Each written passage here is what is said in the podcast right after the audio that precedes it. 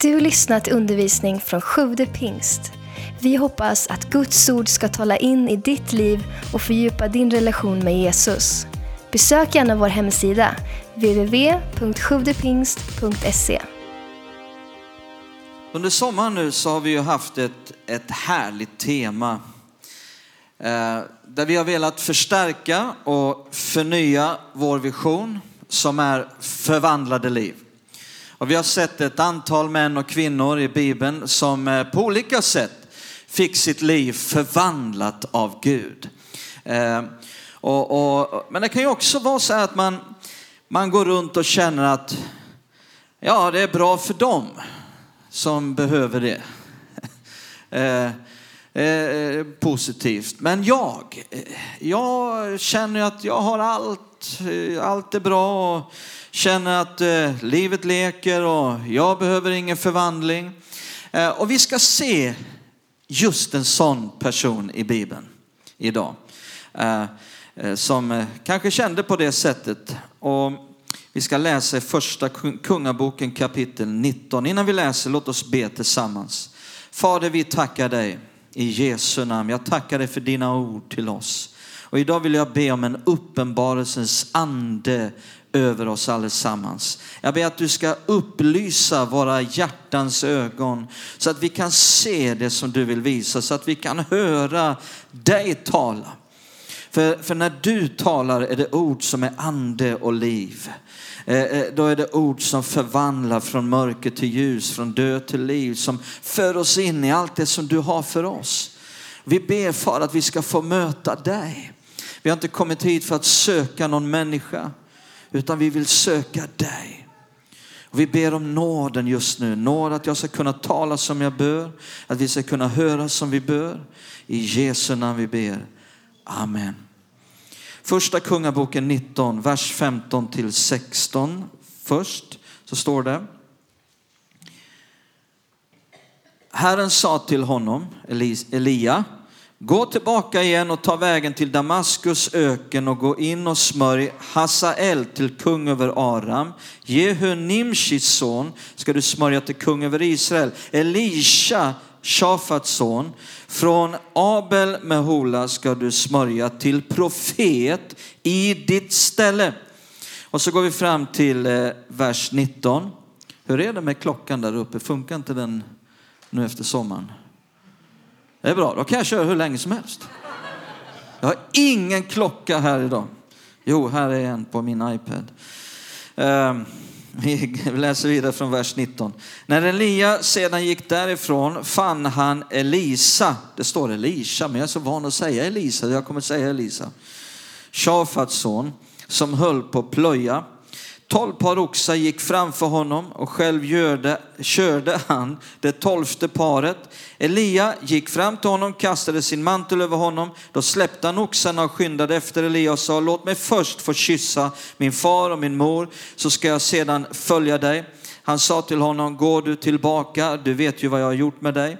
Då lämnade Elisa honom och gick tillbaka och tog sina båda oxar och slaktade dem. Och med oxarnas ok kokade han deras kött. Detta gav han till folket och de åt och därefter bröt han upp och följde Elia och blev hans tjänare.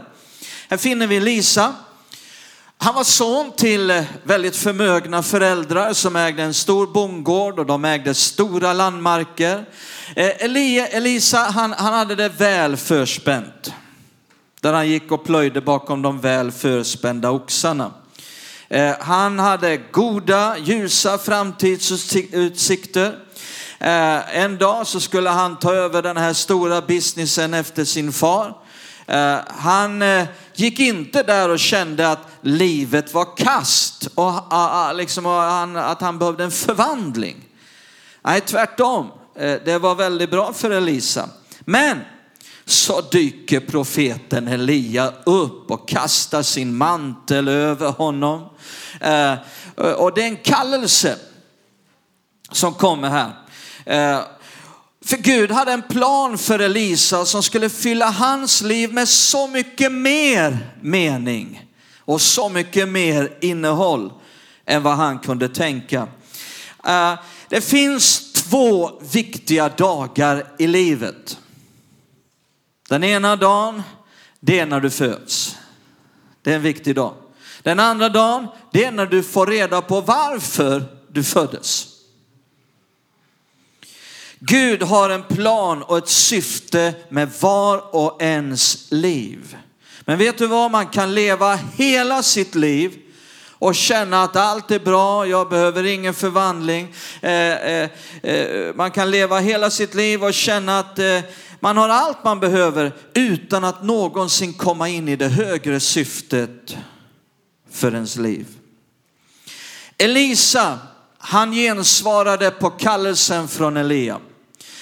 Eh, kallelsen till att ge hela sitt liv till Elia, till att följa honom, tjäna honom, lära utav honom. Elia blev Elisas herre och Elisa blev som en son till Elia. Elisa hade fått en kallelse, men bara för att han var kallad, bara för att det blev en drastisk förändring till det yttre betydde inte att hans liv ännu fullständigt på djupet var förvandlat. Är ni med? Utan där börjar en förvandlingsprocess som skulle pågå under flera år. Och på samma sätt så säger Jesus, många är kallade men få är utvalda. Det är många som känner kallelsen, som blir medvetna, som upplever kallelsen, men inte alla säger ja. Inte alla fullföljer de processer som är nödvändiga för att komma in i det livet som Gud har tänkt. Det finns en väg att gå. Och när sen så småningom Elia ska avsluta sitt jordeliv så beger sig Elia och Elisa ut på en vandring. Och det är den vandringen vi ska följa dem på. Eh, där varje plats de besöker blir någonting som representerar vad vi behöver uppleva i våra liv för att vi ska komma in i den plan som Gud har tänkt med våra liv. Vi går till andra Konungaboken kapitel 2.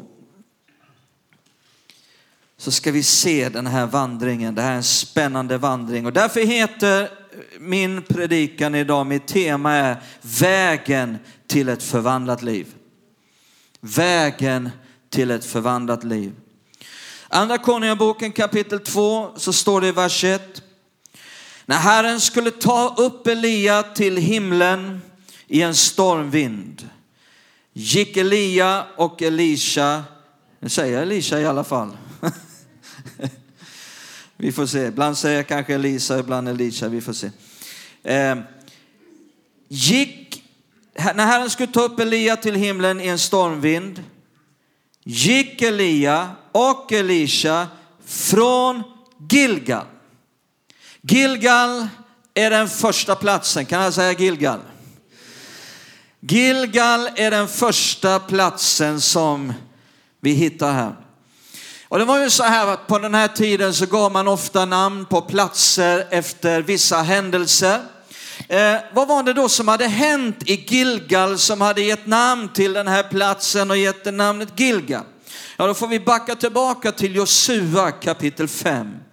Och vi kommer att se Eh, vi kommer att, läsa mycket här i de första kapitlerna i Josua idag. Titta här först av allt i Josua 5 så står det i vers 8 till 9.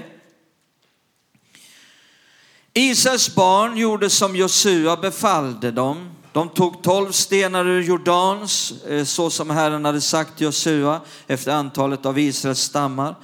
Och de tog med dem till lägret och la ner dem där. Dessutom reste Josua tolv stenar mitt i Jordan på den plats där prästerna, eh, nu, nu, känner jag att något, något inte stämmer. Det är kapitel 4 jag är inne och läser i. Kapitel 5 ska vi läsa. Titta här nu.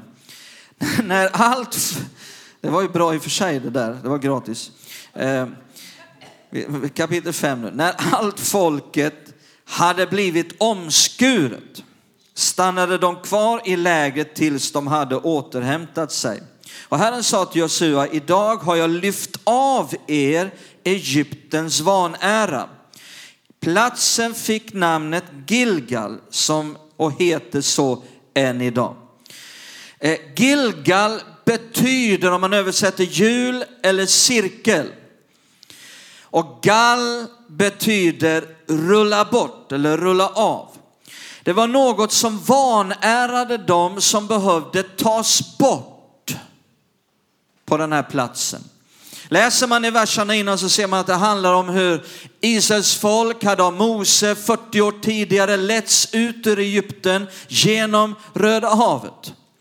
Eh, men eh, sen hade en Guds dom drabbat Israel så de fick gå 40 år i öknen. Och den här generationen då som då skulle dö ut i öknen. Eh, det var en generation som kännetecknades av synd, av uppror, av eh, otro. Eh, och nu hade hela den här generationen dött ut. Och nu var det en ny generation Eh, som skulle under Josuas ledning inta löfteslandet. Men den här generationen skulle inte bära på den tidigare generationens synd. Men nu var det så här att de var inte omskurna. Och vad är då omskärelsen? Jo, omskärelsen är en förbundshandling. Och omskärelsen är tecknet på ett förbund med Gud. Eh, ett förbund där man säger, jag ger hela mitt liv till dig Gud. Men där Gud också säger, det här behöver du göra upp med i ditt liv. Det här är inte välbehagligt. En plats där man också får göra upp med saker som Gud säger, det här ska inte vara i ditt liv. Eh, eh, synd, eh, eh, eh orenhet, andra saker som man behöver Eh, lyfta av från sitt liv. Saker som vanärar ens liv, som behöver rullas av som behöver lyftas bort. Titta här i Hebreerbrevet kapitel 12 och vers 2. Författaren i Hebreerbrevet talar om just det här. Gilgal. Hebreerbrevet 12 och vers 2 så står det eller egentligen vers 1 är det som jag vill läsa. Nu får vi upp vers 2 där, men det är egentligen fel. Jag ska ha vers 1. Nu, nu får vi inte upp det. Ni får lyssna på mig. Eh, vers 1 är det vi ska läsa. När vi nu har en så stor sky av vittnen omkring oss, låt oss då lägga bort allt som tynger och särskilt synden som snärjer oss så hårt och löpa uthålligt i det lopp vi har framför oss. Låt oss lägga av allt som tynger. Allt som tynger behöver inte vara synd, men författaren säger låt oss lägga av allt som tynger och särskilt synden som snärjer oss, som vanärar, som tynger ner, som lamslår. Det här behöver rullas av. Det behöver bli ett Gilgal. Är ni med? Och ett förbund med Gud där man ger hela sitt liv till Gud. Eh, vi går tillbaka till andra konungaboken kapitel 2, så eh, kungaboken ska vi se vad som står där igen. Andra kungaboken 2, vers 1 så står det när Herren skulle ta upp Elia till himlen i en stormvind gick Elia och Elisha från Gilgal. Lägg märke till att det står inte att de gick till Gilgal, de gick från Gilgal. Herren vill ta dig från Gilgal. Han vill ta dig från den här platsen där de här sakerna sker så att du kan känna att du kan lämna det bakom. Det är bakom. Det är förgång, det, det, det liksom finns inte längre i mitt liv. Är ni med? Det är härligt att det står så. Eh, sen fortsätter vi då i nästa vers så står det Elias sa till Elisha, stanna här, för Herren har sänt mig till Betel. Men Elisha svarade, så sant Herren lever och så sant du själv lever, jag lämnade inte och de gick ner till Betel. Vad representerar då Betel? Betel är den andra platsen på deras vandring. Kan han säga Betel? Vad representerar det? Ja, då får vi gå och läsa i första Mosebok 28. Första Mosebok 28 och vers 16 till 19. När Jakob vaknade upp i sömnen sa han, Herren är verkligen på denna plats och jag visste det inte. Han greps av fruktan och sa, hur helig är inte denna plats? Det måste vara Guds boning. Här är himlens port. Tidigt på morgonen steg Jakob upp och han tog stenen som han hade vilat sig mot och reste den till en stod och hällde olja över den. Och han kallade platsen Betel. Tidigare hette denna stad Lus. Det var ju bättre med Betel. Betel betyder Guds hus. Jakob var på flykt undan Esau. Och så fick han en drömsyn om natten. Och han såg en stege som var rest från jorden ända upp i himlen. Det var en stege som förde Jakob in i himlens närvaro. Det var en stege som tog himlen till Jakob. Där mötte Jakob Gud. Och han hörde Herren tala. Och där min vän, där fick han ett helt nytt perspektiv på hela livet. Där fick han en mening, där fick han en, en, ett mål, han fick direktiv för hela sitt liv. Och vet du vad? Vi behöver alla en Betelupplevelse. Där vi möter Gud. Där det får ske som bara kan ske när man möter Gud. Som man aldrig kan läsa sig till. Som inga människors ord kan skapa. Som bara sker när man möter Gud. Eh, det är ett möte med Gud som kraftigt förändrar hur man tänker. Hur man ser på saker, vad man värderar, hur man prioriterar. Det är någonting som orsakar en drastisk förändring, vad man ger sitt liv till. Det är också någonting som gör att man inte längre skakas eller går runt och är väldigt osäker i största allmänhet. Det är ett möte med Gud som gör att man, man blir väldigt bestämd. Man blir målinriktad, man blir målmedveten. Det är en plats där Guds ting blir dyrbara. Någonting som man med glädje på djupet vill överlåta hela sitt liv till. Mötet med Gud. Det är vad Betel handlar om. Vi går tillbaka till andra kungaboken, vers 2 eller kapitel 2, vers, och så tittar vi nu i vers 4. Vi följer Elisa och Elia på deras vandring. Först till Gilgal, Sänd till Betel och titta nu i vers 4. Elias sa till honom, Elisha, stanna här, för Herren har sänt mig till Jeriko.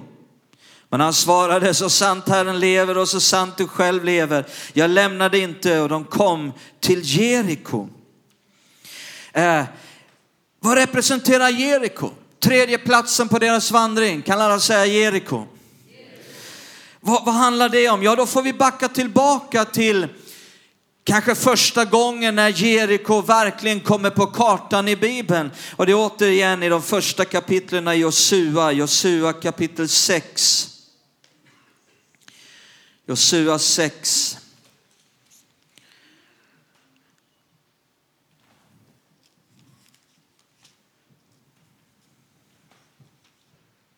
Då står det i vers 1.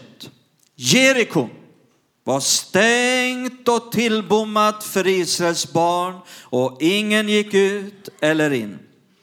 Vet ni vad? Det fanns inget som var så stängt och tillbommat som ett stängt och tillbommat Jeriko. Jeriko var en av de mest svårintagna städerna på den tiden. Jeriko var den första staden i löfteslandet som Gud ville att de skulle inta. Men i det naturliga var det omöjligt. Så Jeriko, vad representerar det? Jeriko representerar vad som i det naturliga är omöjligt. För vet du vad? När du har varit vid Gilgal, när du har haft en Betelupplevelse, gör dig redo, det väntar ett Jeriko runt hörnet. För Gud vill att du ska komma i konfrontation med det omöjliga. Men det bara är så här att när du har varit vid Gilgal och du har varit vid Betel, då gör Gilgal och Betel dig stark. Och du kommer inte till Jeriko darrande, förvirrad, utan du kommer med en relation med Herren. Du känner Herren, du vet vem som är på din sida. Eh, och du kommer på ett helt annat sätt. För Gud finns inga omöjligheter. Och Josua själv, han hade precis haft en Betelupplevelse. Ska vi läsa om den i verserna innan? Och du backar in tillbaka i kapitel 5. Och så läser vi de sista verserna där, vers eh, 13 och framåt. Medan Josua var vid Jeriko hände den gång att han lyfte blicken och fick se en man stå där framför honom med draget svärd i sin hand. Då gick Josua fram till honom och frågade, tillhör du oss eller våra fiender? Han svarade nej. Det är bland det lustigaste svaret i Bibeln. Tillhör du oss eller våra ovänner? Nej. Det vill säga Jesus som jag tror här är den som uppenbarar sig för Josua. Uh, han väljer aldrig sida i, bland människor. Men vi kan få nåden att välja hans sida. Han väljer inte vår sida bland människor, men vi kan komma över på hans sida. Så nu skulle Josua komma över på hans sida. Eh, för nu är det inte Josua som ska strida här egentligen, utan det är Herren som ska strida. Han svarade, nej, jag är befälhavare över Herrens här. Nu har jag kommit hit. Då föll Josua ner till jorden på sitt ansikte och tillbad och sa till honom, vad har min herre för budskap till sin tjänare? Befälhavaren över Herrens här sa då till Josua, ta, ta av dig dina skor, för platsen där du står är helig. Och Josua gjorde så. Snacka om en Betelupplevelse. Wow, vad är ett Jeriko? När du har mött honom som har skapat universum. När han säger till dig, striden är inte din, striden är min. Wow, då finner du vila. Då finner du mod. Ingen fruktan. Så Jeriko, vad handlar Jeriko? Jeriko är en plats där du lär dig att vandra i tro, att leva i tro, att tänka i tro, att tala i tro. Och det vill Herren hjälpa dig till. Det är en härlig plats. Jag vet i mitt eget liv hur det fanns ett Gilgal när jag var nyfrälst. Som 19-åring. Det var en sak i mitt liv som inte skulle vara där.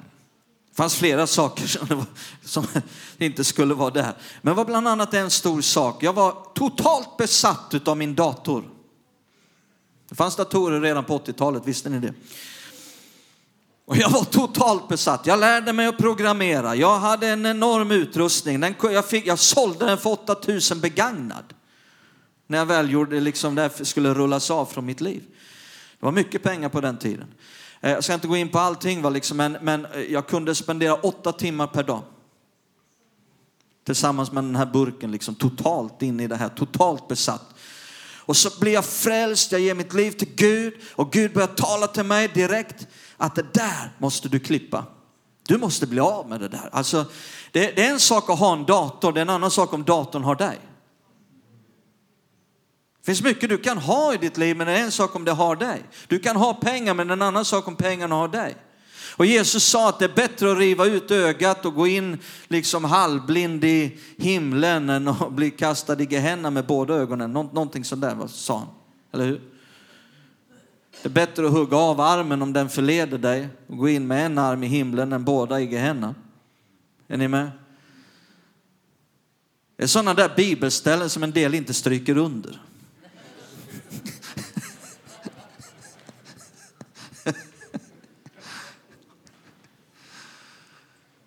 Men Jesus sa dem lika fullt. Det behövs ett Gilgal. Jag behövde göra mig av med den där. Och jag sa Gud, jag är villig att sälja, du får hjälpa mig att sälja det här nu. Så att, och, och då var det några som ville sälja det för, eller köpa det för så här mycket pengar, 8000. Och sa, det här ska jag ge till bibelskola, jag ska gå på bibelskola.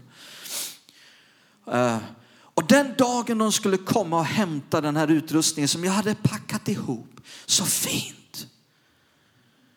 Det var som att sälja min bebis. Det gjorde så fruktansvärt ont. Jag stod bokstavligen, jag överdriver inte, jag stod vid den där stora gråa telefonen på bänken. Ni vet man hade en sån på den tiden.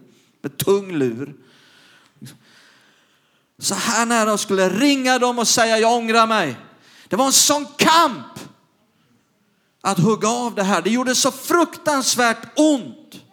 Men jag visste jag måste bryta med det här. Jag måste totalt skära av det för att Gud ska kunna göra i mitt liv det han vill göra. För att jag ska kunna ägna mitt fokus, ägna min tid, ägna mitt liv åt det som han har för mig. Det är liksom var och en har sin egen Gilgal. Men så kom de, de köpte det, de hämtade och när de bara hade åkt iväg, fem minuter senare, jag bara känner, wow, jag är helt fri. Jag saknar det inte. Jag bara känner, wow, någonting hände, någonting andligt hände. Som en befrielse. Och sen gick det många, många år innan jag överhuvudtaget skaffade någon dator. Och hela tiden på min vakt. Så jag har en dator, det är inte datorn som har mig. Är ni med? Halleluja. Gilgal. Och jag hade Betelupplevelsen. Oh. Mötet med Jesus, mötet med Gud. Och vet ni vad? Fortfarande idag så talar den där 19-åriga grabben till mig. Den där 19-åriga grabben i Hällefors som hade mötet med Gud. Där Guds ting blev dyrbara. Där löften för Gud avlas. Den grabben talar till mig fortfarande idag och säger gör det som jag ville göra. Lev som jag ville leva. Svik mig inte. Är ni med? För det var en så helig plats. Vet ni vad? Det finns två Sven som talar till mig. Den här Sven i det förflutna och den där Sven en dag som kommer vara 80 år och som sitter. Då vill jag inte ha en Sven som liksom sitter och tänker jag skulle ha gjort allt annorlunda. Jag önskar jag kunde leva om mitt liv. Jag gjorde allt fel. Jag liksom, varför? Var? Nej, då vill jag vara en som känner jag har fullbordat mitt lopp. Jag har lytt Gud. Är ni med? Jag kan klippa målsnöret. Halleluja. En Betelupplevelse. Men så kom också ett Jeriko. Jag minns när vi var på en teamresa nere i Filippinerna. Vi skulle ha ett korstågsmöte eller vad det heter, kampanjmöte på kvällen där nere i Filippinerna i staden Calbayog. Det, skulle komma flera tusen på en, en utomhusscen. Eh, vi skulle predika evangelium. Vi var ett stort team från eh, bibelskolan i USA. Och, eh, och, och, men så var det bara det att det var ett fruktansvärt oväder den där dagen över hela stan och det regnade och det bara höll på hela tiden och hela det här kampanjmötet på kvällen var fullständigt äventyrat och vi visste att fortsätter det här så kommer det inte komma några människor och inga kommer bli frälsta. Det som Jesus vill göra kommer inte att bli gjort den här kvällen. Och och Filippinerna själva de var väldigt förvånade. De sa det ska inte regna vid den här tiden. Det här är något konstigt, det här är något märkligt. Det borde inte vara så här. Vi förstår inte varför. Eh, eh, och, och, en timme innan eller någonting sånt där så var jag bakom scenen där eh, och, och, bad. Eh, och gick och bad över det här och kände mig bekymrad. Och, Eh, och bad till Gud och så bad jag till Gud, Gud gör någonting åt det här ovädret. Gör någonting åt det här regnet. Gör någonting Gud. Och då var det som en röst. Som bakifrån eller inifrån, jag vet inte varifrån den kom, men jag hörde Herren säga, nej du gör någonting åt det. What? Men jag förstod direkt vad Herren menade. Han har gett oss ett dyrbart namn, sitt eget namn, namnet Jesus. Han har sagt vad helst ni begär i mitt namn, det ska jag göra. Så jag måste göra någonting. Så i samma ögonblick så vände jag mig till eh, ovädret och de stora molnen och regnet och jag bara röt i Jesu namn. Jag befaller dig oväder att ge vika från den här platsen. Och sen medvetet så bara sänkte jag min blick och tänkte jag ska inte kolla efter vad som händer utan nu bara tacka Gud för en underbar kväll. Så jag bara gick där och tackade Gud för att han gör ett under. Tacka honom för att ovädret upphör, för att vi ska se många frälsta, botade, döpta i den heliga ande och befriade från ondskans andemakter.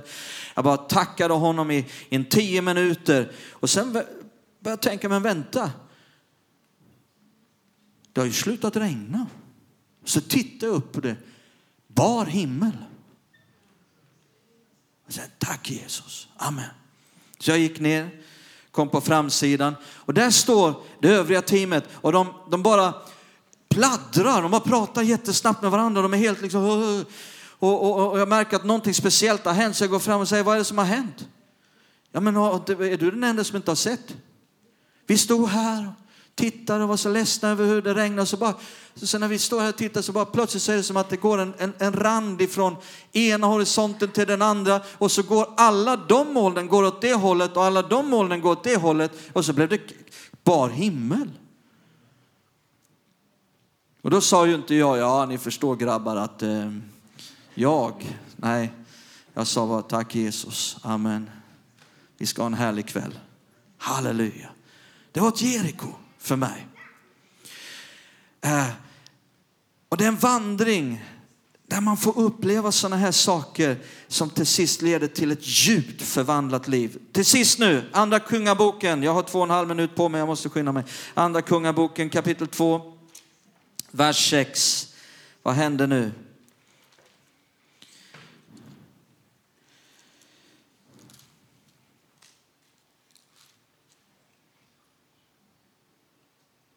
Elias sa till honom, stanna här för Herren har sänt mig till Jordan. Men han svarade, så sant Herren lever och så sant du själv lever, jag lämnar dig inte. Och de gick båda vidare. Jordan, eh, den sista platsen i deras vandring. Vad handlar Jordan om? Kan han säga Jordan? Ja, då får vi gå tillbaka igen till de första kapitlerna i Josua. Titta Josua 3. Josua 3, vers 14, så står det. Folket bröt då upp från sina tält för att gå över Jordan och prästerna som bar förbundsarken gick framför folket. När de som bar arken kom till Jordan och prästerna som bar den satte sina fötter i vattenbrynet av Jordan som under hela skördetiden svämmar över, över alla sina breddar, då stannade vattnet upp. Då stannade vattnet som kom uppifrån och blev stående som en mur. Jag vet inte om ni får med den där. Jo, det får ni med. Eh, långt borta uppe vid Adam, staden som ligger bredvid Saretan. Vattnet som flöt ner mot Hedmarkshavet, Döda havet, blev på så sätt helt avskuret och folket gick över mitt emot Jeriko. Alltså här handlar det om en, en gräns. Jordan är en gräns. Det är vad Jordan handlar om. Eh, eh, Israels folk hade 40 år tidigare kommit ut ur Egypten Eh, genom Röda havet. I Egypten där svalt de, det var ett land med brist. Och sen hade de varit 40 år i vildmarken och där hade de nätt och jämnt vad de behövde. Men nu skulle de komma in i överflödets land. Och Jordan markerade en gräns på väg in i överflödets land. Så Jordan är en gräns mellan det naturliga och det övernaturliga, mellan ett nöd och näppeliv, jag nätt och jämnt hankar mig fram, till ett överflödande liv. Där man får flöda över utav Herrens härlighet och närvaro, utav den himmelska glädjen och friden. Eh, när man har varit eh, vid ett Gilgal, vid ett Betel, vid ett Jeriko, då kommer man fram till ett Jordan där man hela tiden får uppleva ett överflödande andefyllt liv. Halleluja. Så vi går tillbaka nu till andra kungaboken kapitel 2. Titta här ska ni få se nu vad som händer i slutet. Andra kungaboken 2, eh, vers 7. Från vers 7, då står det, men 50 av profetlärjungarna gick och ställde sig på avstånd längre bort medan de båda stod vid Jordan. Elia tog sin mantel, vek ihop den och slog på vattnet och delade sig åt båda sidor och de gick bägge igenom på torr mark. När de hade kommit över sa Elia till Elisha, be mig om vad du vill att jag ska göra för dig innan jag tas ifrån dig. Elisha sa, låt mig få en dubbel arvslott av din ande. Han svarade, du har bett om något svårt, men om du ser mig när jag tas ifrån dig så kommer Kommer du att få se få det, annars blir det inte så. Medan de gick och samtalade kom en vagn av eld med hästar av eld och skilde de båda från varandra. Elia for i stormvinden upp till himlen. Elisha såg det och ropade, min far, min far, du som för Israel är både vagnar och ryttare. Sedan såg han honom inte mer. Elisha tog tag i sina kläder och rev dem mitt i tu.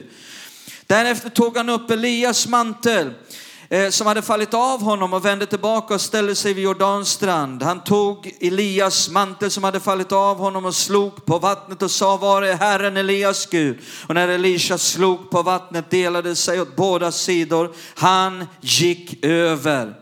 Elias sa, om du ser mig, Gud ger många löften, men det finns också villkor. Guds ting är dyrbara. De ges inte till halvhjärtade människor. Och vi behöver göra som Elisa. Han fixerade sin blick. Han höll ut. Han lät inget distrahera honom. Låt inte bli distraherad av dem nu. Jag bara skojar.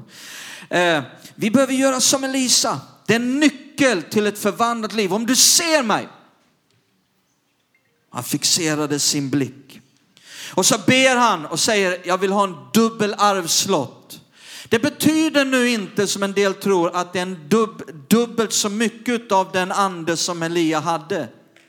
Utan vad som händer är, är att en far ska lämna jordelivet och han som son ber om ett arv. Och då ber han i enlighet med vad som enligt Moseböckerna ska gälla, att den förstfödde ska ha en dubbel arvslott. Sen kan man se att Elisa han gjorde ungefär dubbelt så mycket som Elia, men inte det det egentligen handlar om. Men det är ändå någonting stort han ber om. Uh, och så händer detta att Elia, och lyssna nu, här kommer det. Grand finale. Elia far upp. Mästaren far upp. Och manteln, det som representerar Guds ande över Elia, faller. Lärjungen Elisa plockar upp manteln, klär sig med den och samma ande som var över Elia kommer över Elisa. Och så går han iväg och så gör han samma sak som mästaren. Och min vän, på samma sätt for Jesus, mästaren, och någonting föll. Den heligande föll och kom över lärjungarna. Och de blev beklädda med samma ande som hade varit över Jesus. Och de gick iväg och gjorde samma gärningar som Jesus. Och titta här, vi avslutar i Lukas 24, vers 49. Titta vad Jesus säger. Lukas 24. Lukas 24, vers 49. Då säger Jesus vid det här tillfället när han ska fara upp. Jag ska sända över er. Jag läser från folkbibeln 98 nu. Jag ser, jag ska sända er vad min fader har lovat. Men ni ska stanna här i staden tills ni har blivit vad då? Beklädda med kraft från höjden. Sedan förde han dem ut till Betania, och han lyfte sina händer och välsignade dem och medan han välsignade dem skildes han från dem och han blev upptagen till himlen. Tack för att du lyssnat. Glöm inte att du alltid är välkommen till vår kyrka. Du hittar mer info på www.sjuvdepingst.se